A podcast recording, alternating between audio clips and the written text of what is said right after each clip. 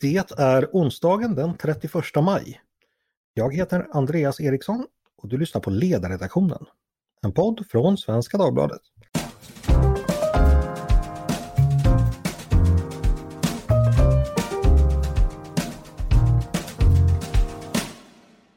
Varmt välkomna till oss i podden igen. Eh, idag ska vi prata sysselsättningsgapet mellan utrikes och inrikes födda. Det har ju länge varit omdiskuterat i Sverige. Och det har ju historiskt varit ganska stort.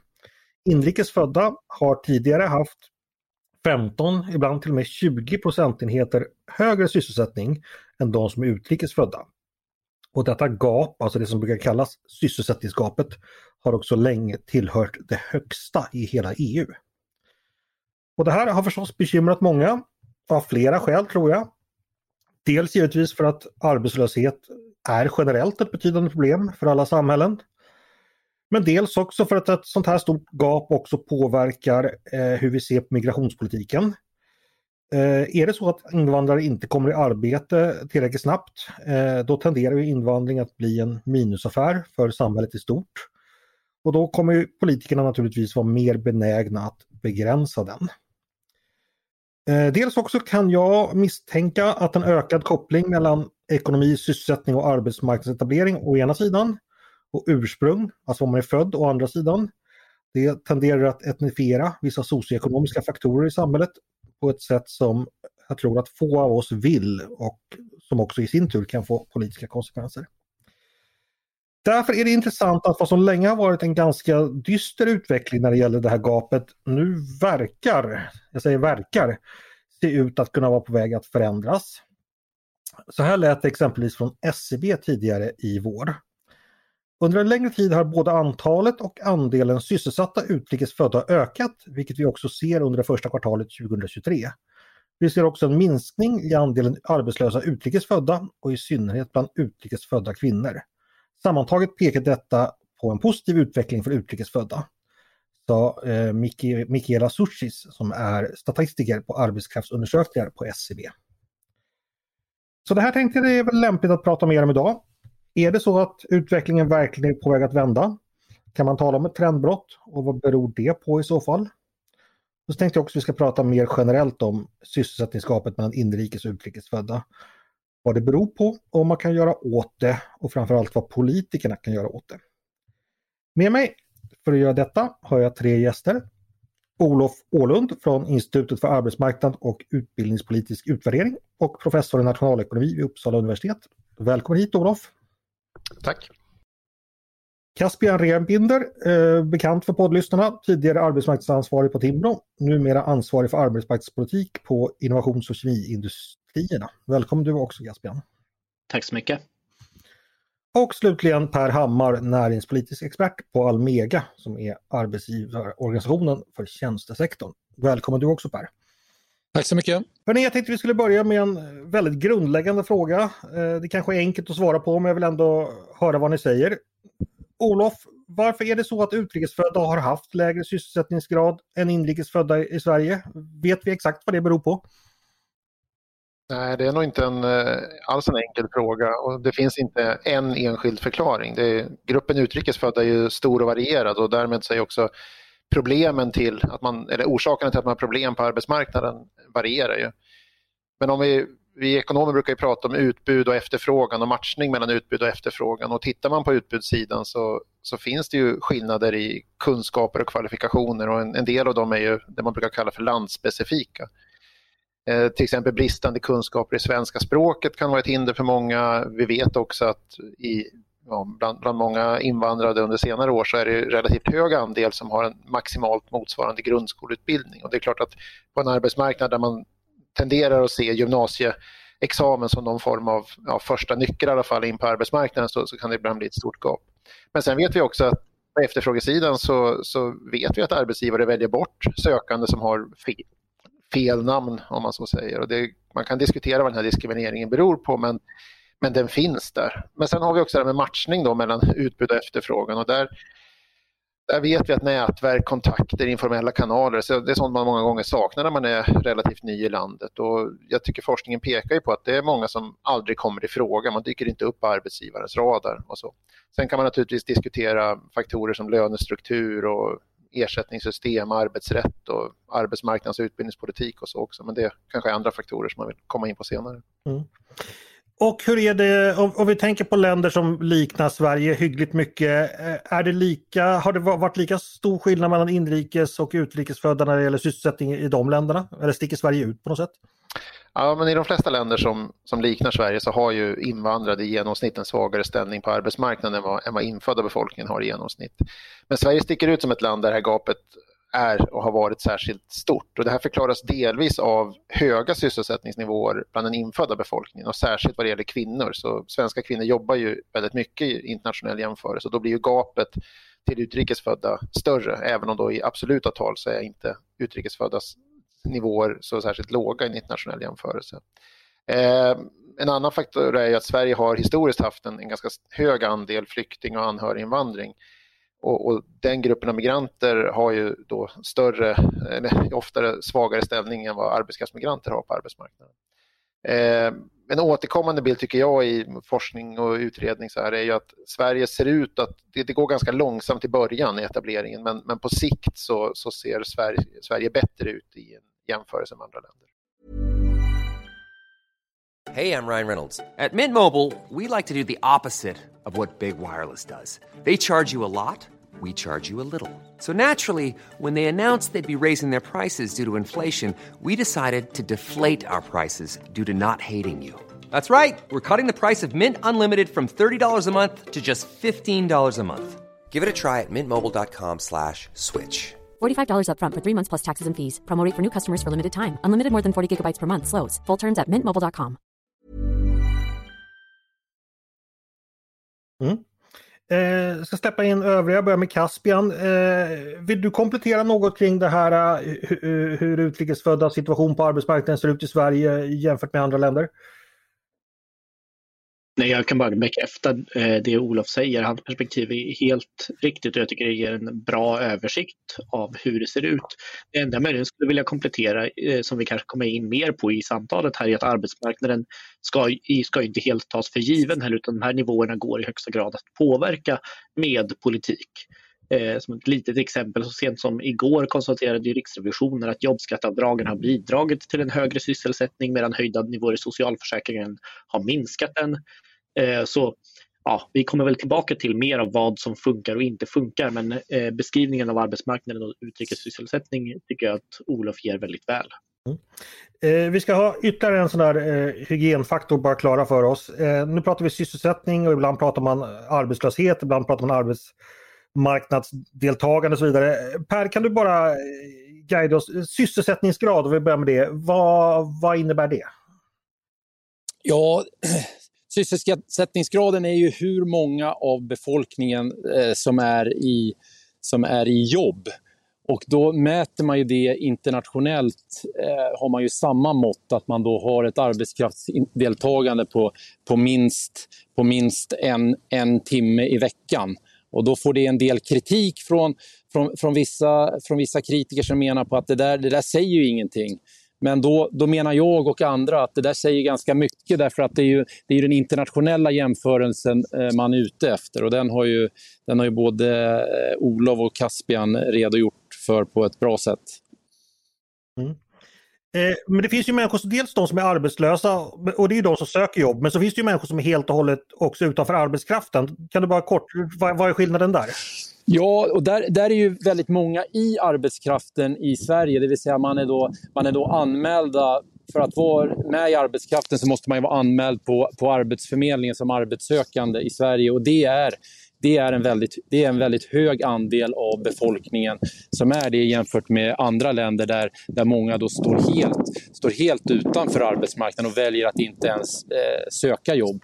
Så det är ju någonting väldigt positivt då att, att så många finns med i, i arbetskraften. Olof, jag om du vill komplettera lite med hur ni forskar. Vilka kategorier är det du tycker är viktigt att, som är relevant att helt enkelt tänka på när man funderar över arbetsmarknaden? Vilka är de viktigaste begreppen och kategorierna så att säga? Nej, men det är ju så. O olika mått fångar olika saker och jag tror att det är viktigt att man, man använder flera och att man är ganska tydlig med vad man gör när man forskar och studerar de här frågorna. Eh, men som vi varit inne på, så arbetslöshet det baseras på personer som antingen arbetar eller söker arbete och där har ju sysselsättning då en, en fördel att den fångar in även de som inte är med i arbetskraften. Så på ett sätt så ger det en bättre indikation på någon form av aktivitetsgrad i, i bland, bland befolkningen.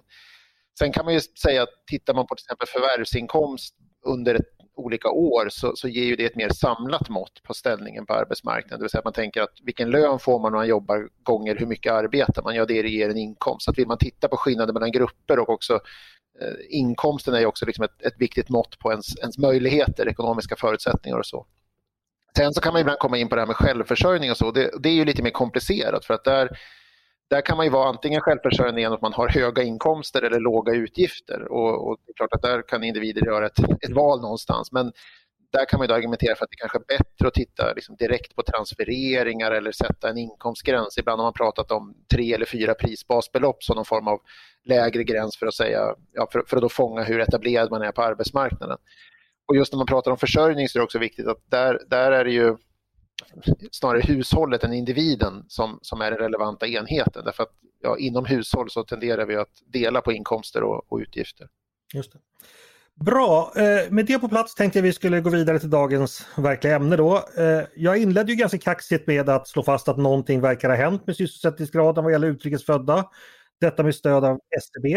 Eh, men vad säger du Olof, eh, är det någonting som har skett? Har vi sett en förändring på senare år när det gäller just utrikesfödda?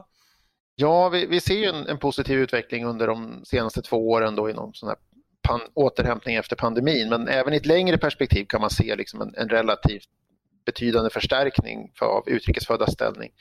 Sen tror jag man måste vara lite försiktig med att säga exakt hur positiv under 2022-2023. För tittar vi på SCBs de här arbetskraftsundersökningarna så ser man ju framförallt för utrikesfödda män en, en väldigt stark utveckling. Tittar man på SCBs andra mått, det här som kallas för BAS, alltså befolkningens arbetsmarknadsstatus, så är det fortfarande en positiv utveckling men, men gapen är rätt stora. Och tittar man på Arbetsförmedlingens mått så ja, utrikesföddas arbetslöshet minskar ju men det är fortfarande en stor skillnad mellan inrikes och utrikesfödda. Så att min allmänna bild är att det, det, är fortfarande betydande skillnader i ställning på arbetsmarknaden men, men de ser ut att minska. Eh, sen kan man då säga att det här följer ju ja, olika faktorer. Det ena är ju att i konjunktur så vet vi sedan tidigare att svaga grupper tenderar att påverkas mest. Så när det är gynnsamma tider så, så hänger man med, och stärker man sin ställning. Medan en intressant fråga nu då är att säga vad, vad, kommer att hända i den här dimensionen om vi får en nedgång på, arbets, i ekonomin och, och arbetslösheten börjar öka. Sen kan man också prata om såna mer tekniska saker som kan ha påverkat. Vi hade ganska många nyanlända under stor del av 2010-talet. Och, om etableringen tar tid så är det kanske nu man börjar se också då att, att allt fler kommer in i arbetsmarknaden. Men sen har vi den här stora strukturella bakgrundliggande faktorn som är att vi ser stora bemanningsbehov i, i personalintensiva verksamheter där många utrikesfödda har både sina första jobb och, och fortsatta karriärer. Och i en, i en åldrande, åldrande befolkning med stora behov så, så kommer man att se en förstärkning Okej, så vi, vi, då behåller, vi håller oss till en viss behärskad eh, optimism kring detta. Eh, vänder mig till dig Caspian. Eh, tror du att någonting har skett med, med eh, sysselsättningsgraden hos utrikesfödda eller vad ser du här? Jag får väl stå för en mer obehärskad optimism i så fall. Mm. Men skämt åsido, jag skulle säga att det är en på många sätt otvetydig positiv utveckling Eh, och kanske mer imponerande än bara sysselsättningsgraden för utrikesfödda som helhet. Eh, för där kan man ju säga, visst, eh, invandringen av flyktingar har minskat kraftigt de senaste åren samtidigt som arbetskraftsinvandringen har ökat. Det är klart att det påverkar hur, hur sysselsättningsgraden bland utrikesfödda ser ut. Precis som Olof konstaterar så är, är det nu ganska många år sedan de största kohorterna har kommit till Sverige flyktingvägen och det borde in, innebära högre sysselsättningsgrad bland de utrikesfödda som helhet. Men utvecklingen är betydligt större än så strukturellt. Eh, när, jag var, när jag var ung, för kanske tio år sedan, så brukade man prata om att det tog sju år för hälften av de nyanlända att nå 50% sysselsättning. Och när jag lärde mig det här så var det som en fastslagen sanning. Det tar tre år att gå gymnasiet, fem år att bli civilingenjör, åtta år att få, eller sju år att få 50% sysselsättningsgrad för en flyktingkohort. Men om man kollar på SCBs statistik över sysselsättningsgrad för flyktingar och anhöriga till flyktingar efter vilket år de anlände så har vi sett en ganska radikal förändring. Eh, för de som kom 2018 så var de uppe i nästan 50% sysselsättning redan efter tre år. Och det här är inte heller en sammansättningseffekt utan man ser samma utveckling i alla grupper av flyktingar. Både bland de kanske mest lättintegrerade, sig män i 25 till 34 års åldern. Eh, tar det fem år att komma upp i, för, ja, för eh, äldre kohorter så kunde det förut ta Eh, fem år att komma upp i 50 procent och 15 år att komma upp i 70 procent sysselsättning. Nu är vi nere på fyra år för att få 70 procent sysselsättningsgrad bland de kohorter som nyss har nått fyraårssteget eh, så att säga. Så det är ganska kraftiga eh, förändringar. Och även bland de mer svårintegrerade grupperna som äldre kvinnor som har kommit som flyktingar till Sverige de är förstås eh, svagare etablerade på arbetsmarknaden som helhet. Men istället för 12 år så är vi kanske nere på 6-7 år för att nå 50-procentig sysselsättningsgrad. Så den här, det här skiftet har ju skett eh, ganska genomgående för alla grupper, både män och kvinnor i alla olika åldersgrupper och är stadigt nedåtgående. Eh, vilket ju är en fantastiskt fin utveckling. Mm. Så det betyder såklart inte att eh, sysselsättningen är lika hög som för inrikes födda eller att det saknas problem att åtgärda eller vidare steg att ta. Men det finns verkligen skäl att vara höggradigt optimistisk kring, eh, kring eh, nyanlända flyktingars arbetsmarknadsetablering och hur det har utvecklats över de senaste tio åren. Mm. Eh, mer otyglad optimism där. Jag ska bara säga till lyssnarna, när, när Caspian refererar till sin, när han var ung, då menar han alltså i, i, i måndags den här veckan ungefär. Eh, Per, jag ska släppa in dig. Eh, ni på Almega skriver på Svenska Dagbladets debattsida idag att allt fler i utsatta områden arbetar. Det har ni funnit i en rapport som publiceras idag. Eh, det är inte exakt samma grupp vi pratar om men i utsatta områden bor det ju väldigt många som är utrikesfödda.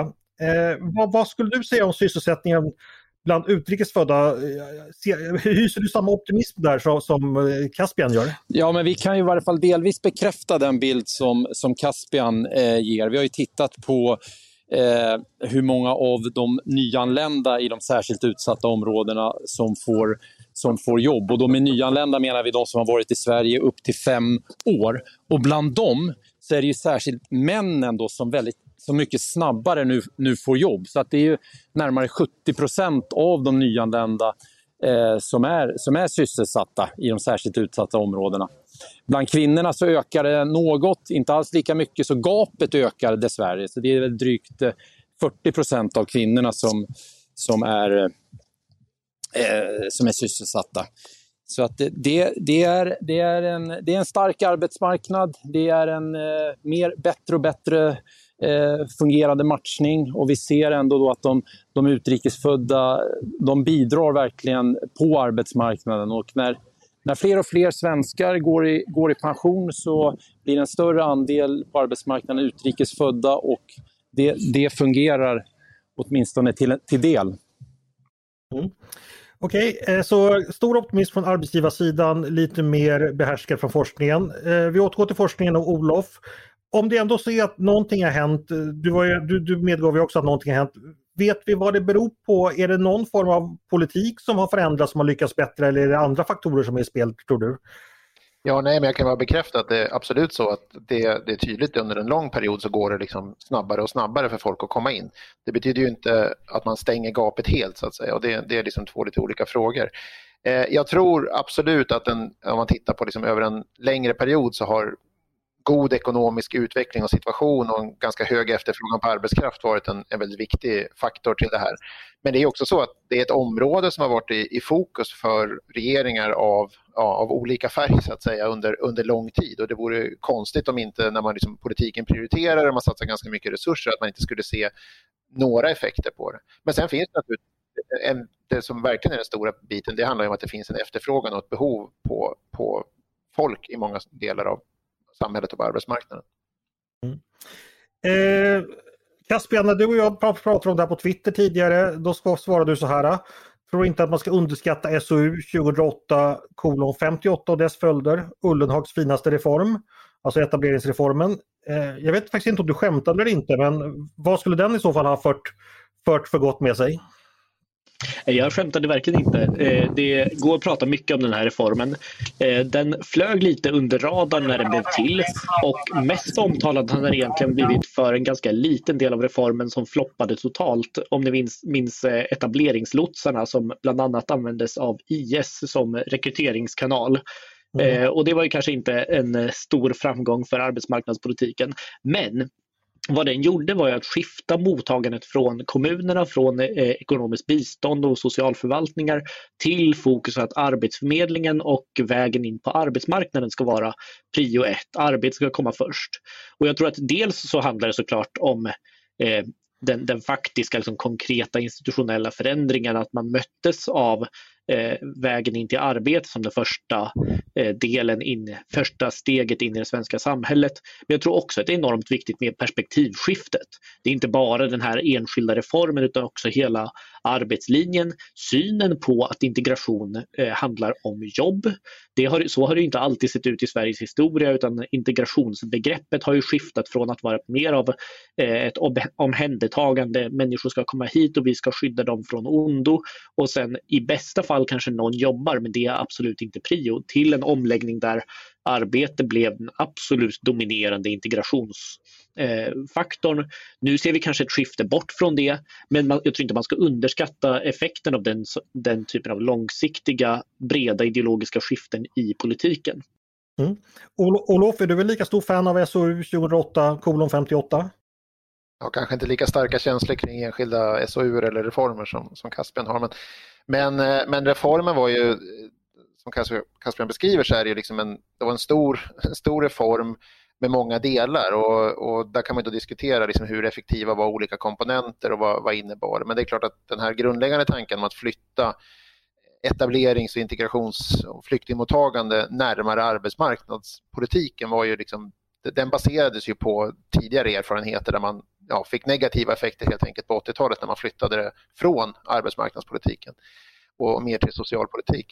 Men, men eh, tittar man då på de utvärderingar som, som finns så, så, ser man ju att det finns positiva effekter av etableringsreformen och särskilt för, för kvinnor verkar det vara så att det fanns liksom effekter på sysselsättning och arbetsmarknadsstatus på, på sikt. Ehm, och Det här är i linje med annan svensk och internationell forskning som visar till exempel att ja, men, etableringsinsatser som fokuserar på språkträning eller intensifierade matchningsinsatser kan ha positiva effekter även för, för grupper som står långt ifrån arbetsmarknaden. Så att för, menar, man kan alltid diskutera hur mycket ska politiken göra och hur mycket ska arbetsmarknaden på något sätt lösa själv. Men, men helt klart är det så att politiken kan göra en skillnad här. Det, det visar ju både ja, svenska erfarenheter och från andra länder på. Olof, jag har bara en uppföljande fråga. Ni, ni, har båda varit inne på det här med att invandringen har ju både minskat och förändrats i Sverige. Sedan 2015 har ju Sverige gjort mycket för att begränsa asylinvandringen. Och det är ju en grupp som har haft svårare än andra invandringsgrupper att integreras på arbetsmarknaden. Och det har ju också lyckats så tillvida att antalet asylsökande minskar kraftigt. Då tänker jag så att eh, om andelen nyanlända eh, totalt sett minskar som, som andel i den totala gruppen ut, utlandsfödda så kommer det stiga då, eh, andelen som finns på arbetsmarknaden. Men, men Olof, vad jag förstår så, så även bortsett från den, e, den, den effekten så, så kan vi ändå se att det skiljer sig, sig åt. Det är, inte bara, det är inte där förklaringen ska sökas så att säga. Eller förstod jag det rätt då? Ja, alltså det, det där är ju en, en stor och del, delvis annan fråga som går att diskutera ur många perspektiv. Och, och pratar man om effekter på liksom asylinvandringen så är det oklart vad som är svenska reformer, vad som är internationell politik och vad som är pandemi och så. Men på ett sätt så pekar det på att liksom, det finns en mekanisk effekt. Att om en, om en ja, grupp där, där, många har en, en svag ställning blir mindre så kommer genomsnittet att förbättras någonstans. Men, mm. men tittar man liksom på en annan fråga som handlar om, är det så att hur många som kommer påverkar chansen att lyckas för de som faktiskt kommer så är det inte alls uppenbart att, den, den att, att det finns ett så tydligt samband. Och där kan man ju peka på, tittar vi har sett ut i Sverige över tid så, så är det ganska stabilt trots stora variationer. Och det vi har sett, som vi pratade om tidigare här nu, liksom en förbättring per ja, invandringskohort även då när, alltså när antalet personer ökar. Så I de stora grupperna så, så ser vi också att det faktiskt går gradvis snabbare in. Vi gjorde en studie för några år sedan där vi jämförde Sverige och Finland som under den perioden då hade dramatiskt olika nivåer på invandring och det vi såg var väldigt likartade mönster i etableringstakt och etableringsmönster. Så att, så att jag tror att Nej, men det, det, är nog inte bara, liksom en, eller inte så mycket en fråga om att ja, men det, det kommer färre nu eh, på något sätt. Men det finns ju ett Nej. mekaniskt samband där i bakgrunden på något sätt. Okej, okay, jag ville bara klara ut den frågan. Eh, det kvarstår ju då ett gap som flera av er har sagt. Eh, per, i er debattartikel idag så föreslår ni ytterligare reformer för att öka sysselsättningen. Kan du bara kort eh, redogöra för vad vill ni från Almegas sida? Eh, ja, nej men vi, vi vill ju några saker. Eh, om man ska gå rakt, rakt på sak där så tycker vi att de här... Vi tror att det är jätteviktigt att vi får till de här etableringsjobben nu i, i Sverige. För att eh, när man anställer långtidsarbetslösa så, så, behöver man, eh, så behöver arbetsgivarna ha lägre anställningskostnader. Så för nyanlända och långtidsarbetslösa så är det viktigt att de här etableringsjobben kommer på plats. Eh, de, de, är i, de är i skrivbordslådan på regeringskansliet och de har hamnat där efter ett antal år som de har vandrat mellan politiken och arbetsmarknadens parter och, eh, ja, det, de behöver komma på plats i år för att eh, vi ser att eh, de, de, kommer att behövas framöver. Sen vill vi se fortsatta reformer av Arbetsförmedlingen. Jag tycker, jag tycker etableringsreformen som ni, ni pekar på här är, har, har, bidragit positivt. Och vi tycker att eh, eh, matchningstjänster och korta utbildningsinsatser eh, eh, ska vara det som man möts av på på Arbetsförmedlingen om man är, om man är anställningsbar och kan komma ut i jobb. Så att vi, vi nu drar, drar största möjliga nytta ändå av den stora efterfrågan som finns på arbetskraft i Sverige nu. Mm. Caspian, håller, håller du med eh, Per? Ja, absolut. Eh, jag tycker det här är väldigt bra förslag. Det ligger också helt i linje med det som har fungerat tidigare. Eh, och skulle också flika in, apropå svaga grupper på arbetsmarknaden, Eh, för att komplicera bilden lite grann så pratar man ju ibland bara om flyktingar kontra arbetskraftsinvandrare som att det skulle finnas liksom den svåra gruppen och den enkla gruppen. Men en väldigt stor del av invandringen är anhöriga. Eh, anhöriga till svenskar, anhöriga till an arbetskraftsinvandrare eller anhöriga som inte har koppling till flyktingstatus. Och de är ju idag inte berättigade till etablerings, eh, eh etableringsspåret. Eh, och det här är ju någonting som Eh, utredningen om förbättrad arbetskraftsetablering för utrikesfödda kvinnor eh, i sitt delbetänkande som presenterades idag, bara en timme innan den här podden spelas in, eh, faktiskt föreslår att fler ska få tillgång till. Eh, så det finns nog flera sådana viktiga, viktiga steg som kanske inte känns som de stora strukturreformerna men som ändå breddar vägen till etableringsuppdraget för fler personer. Okej, vad, vad, säger du Olof ifall vi vill fortsätta försöka sluta det här gapet mellan inrikes och utrikesfödda? Vilka åtgärder behövs? Vi hörde från arbetsgivarsidan här vad de tyckte. Vad, vad säger forskningen? Vad är det som fungerar? Ja, men en, en, fråga som diskuteras mycket är ju det här med ja, lägsta löner eller kostnader för anställda och så. Och där där är ett vanligt arbetsmarknadsekonomsvar att ja, men det är rimligt att förvänta sig vissa sysselsättningseffekter av till exempel lägre ingångslöner. Men, men man ska inte heller ha en förväntan om att det här är något som löser hela situationen i, i, i ett slag. Och jag tror att det finns anledning att fundera på det lite grann att vi, vi har under lång tid haft kraftiga subventioner riktade till, till olika grupper och ändå så är det liksom ingen kö av arbetsgivare. Eh, så. Sen kan man diskutera att det kanske är en skillnad mellan att ha en, en lägre lön avtalsmässigt kontra att ha en subvention. Men, men jag tror att man måste ha med sig där att, att anställningskostnaden är en del, men det finns ju också andra faktorer som, som vi var inne på tidigare med liksom vilka, vilka kommer i fråga, vilka syns inte överhuvudtaget i de här när arbetsgivaren letar. Sen tycker jag en sak som man lite grann när man pratar om drivkrafter och, och jobbsökande och sådär, jag tror man ska, kan försöka tänka på att incitament att söka och, och, ta arbete, det är ju om jag är arbetslös och så ska jag försöka hitta ett, ett jobb istället, då, då är det sannolikheten att, att, jag, att jag erbjuds ett arbete om jag, om jag anstränger mig att söka. att jag hittar någon som vill anställa mig gånger inkomstskillnaden mellan, mellan det jag får om jag jobbar kontra det jag inte får om jag jobbar. Så att, så att någonstans så tror jag att de här faktorerna, om vi har en arbetsmarknad som funkar så att folk känner att ja, men, om jag verkligen anstränger mig så är det inte mitt namn eller mitt utseende eller min bakgrund som, som gör om jag kommer i fråga eller inte. Ja, då kommer det också någonstans att behövas i den meningen mindre gap mellan vad man får om man jobbar kontra vad man får annars för att säga att ja, men det är värt det. Så att säga. Så att det, det, är ett samspel mellan efterfrågan och utbud och eh, så att säga, rent incitament i kronor och öron. Och det tycker jag ibland kan vara lite frånvarande i den här diskussionen. Vi är ju angelägna där från, från Almega att drivkrafterna till arbete att de, att de stärks. Och det, jag tror till exempel bland utrikesfödda kvinnor så, och bland, ja, så just den här incitamenten där att ta det här deltidsarbetet, att ta den här timanställningen, att det verkligen att det syns i plånboken. Så att man, man ser att drivkrafterna till arbete finns. För de flesta som är arbetslösa går inte från eh, att jobba noll timmar i veckan till att jobba 40 timmar i veckan. Utan man går från att man får den där timanställningen eller det här kvällsjobbet. Och det, det, det, måste, bli, det måste bli mera värt att, att börja jobba, ta de här instegsjobben. Mm. Eh, bara en fråga till till dig Olof. Eh, pandemin, vi var inne på den att det här sammanfaller ju den här senaste ökningen med, med, med, pandemin. Vet vi egentligen vilken roll pandemin har spelat för utvecklingen på arbetsmarknaden när det gäller just den här aspekten? Ja, nej, det, det, det är svårt att säga. Det var ju naturligtvis en, en, en stor chock även ekonomiskt och, som drabbade marginella grupper mer. Men jag tror också att man kan säga att i, i någon sån övergripande grej så visar det också behovet av arbetskraft i olika delar av, av samhället och, och, att olika delar av, av samhället är beroende av varandra. Eh, jag tror att det kan ha påverkat till exempel under en period då man har liksom en avskaffad budgetrestriktion på något sätt, att vi har väldigt expansiv eh, eh politik under en period. Det är uppenbart nu att det, det, där inte gäller längre. Men sen naturligtvis finns det i bakgrunden också en, en mer grundläggande, grundläggande diskussion om ja, men vad bör det offentliga prioritera eh, i, i, olika dimensioner.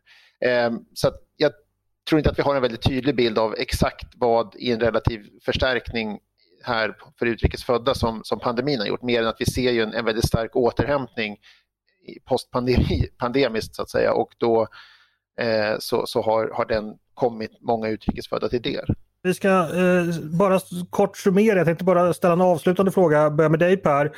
Vad kan man realistiskt förvänta sig tror du i utvecklingen? Alltså kommer vi, kommer vi nå så att arbetsmarknadsdeltagandet eh, eller liksom sysselsättningen är lika hög för, för utrikesfödda eller vad är det realistiskt att landa någonstans tror du? Uh, ja, det, det, måste väl ändå vara strävan. Jag ser ju på medlemsföretagen i tjänstesektorn att de de, de, anställer, de anställer efter kompetens. Så, så kan vi bara, så kan vi bara eh, se till så att de arbetslösa blir anställningsbara så kommer de så kommer, de att, så kommer de att få jobb. Sen det är klart sysselsättnings... Alltså att eh, kvinnors, kvinnor måste snabbare komma i arbete bland de utrikesfödda. Eh, och där, där, finns, där finns det oerhört mycket att göra. Att det, att det är det här nästan 30-procentiga gapet mellan Eh, män och kvinnor, de nyanlända. Det, det, det är på tok för stort. Mm. Eh, Caspian, en avslutande fråga till dig också som optimist. Eh, eh, hur, hur, tror du den här utvecklingen kommer fortsätta och vad kommer i så fall krävas för att den ska göra det? Oj, det är en jättebra fråga. Jag tror att eh, ett sätt som man har nått till den här goda utvecklingen är ju genom enträget arbete, fokus på mer effektiva arbetsmarknadsåtgärder. Eh, nu lägger ju som sagt en utredning idag fram en hel del förslag för ännu mer effektiva etableringsinsatser. Jag tror precis som Per på att eh, Arbetsförmedlingens reformering behöver fortsätta. Eh, och eh, om det fortsätter i den riktningen så tror jag att den goda utvecklingen kan, eh, kan gå vidare. Det, det jag skulle säga som en liten farhåga är om pendeln svänger över för mycket från så att säga, jobbfokus i integrationen till att integration eh, nästan bara handlar om att begränsa invandring och lösa, eh, som lösa en eskalerande brottslighet. Viktiga frågor för all del. Eh, men man får inte tappa fokus på just arbetsmarknadseffekterna för då riskerar just arbetsmarknadseffekterna att bli sämre. Och sen en avslutande fråga också till dig Olof. Eh, vad tänker du? Jag vet att för er forskare kanske ni inte vill spå så mycket i kristallkulan, men, men vad, ser du, vad tror du är realistiskt att förvänta sig att eh, man, man, kan hoppas helt enkelt på, på ökad sysselsättning? Vad, vad, vad kan, vart kan vi nå så att säga? Men alltså tittar, man, tittar man internationellt och, och historiskt så, så, verkar det inte sannolikt att man når liksom en sån fullständig eh, integration i den meningen att, att infödda och utrikesfödda har precis samma ställning i genomsnitt på arbetsmarknaden. Det, det verkar inte sannolikt att nå hela vägen dit. Men, men helt klart är att skillnaderna kan bli betydligt mindre än vad de är nu och har varit Och, och, det skulle naturligtvis vara väldigt bra både för enskilda individer och för samhället i stort. Mm. Vi får se hur det går med den staken. Eh, vi hinner inte prata mer idag men jag säger stort tack till eh, Olof Åslund, Caspia Rebinder och Per Hammar för att ni gästade podden idag. Och stort tack också till er som har lyssnat på dagens avsnitt av Ledarredaktionen. En podd från Svenska Dagbladet. Ni är varmt välkomna att höra av er till oss med tankar och synpunkter på det vi precis har diskuterat. Eller om det är så att ni har förslag på vad vi ska ta upp i framtiden. I båda fallen är det bara att mejla till ledarsidan snabla svd.se. Dagens producent, han heter Jesper Sandström. Själv heter jag Andreas Eriksson och hoppas att vi hörs igen snart.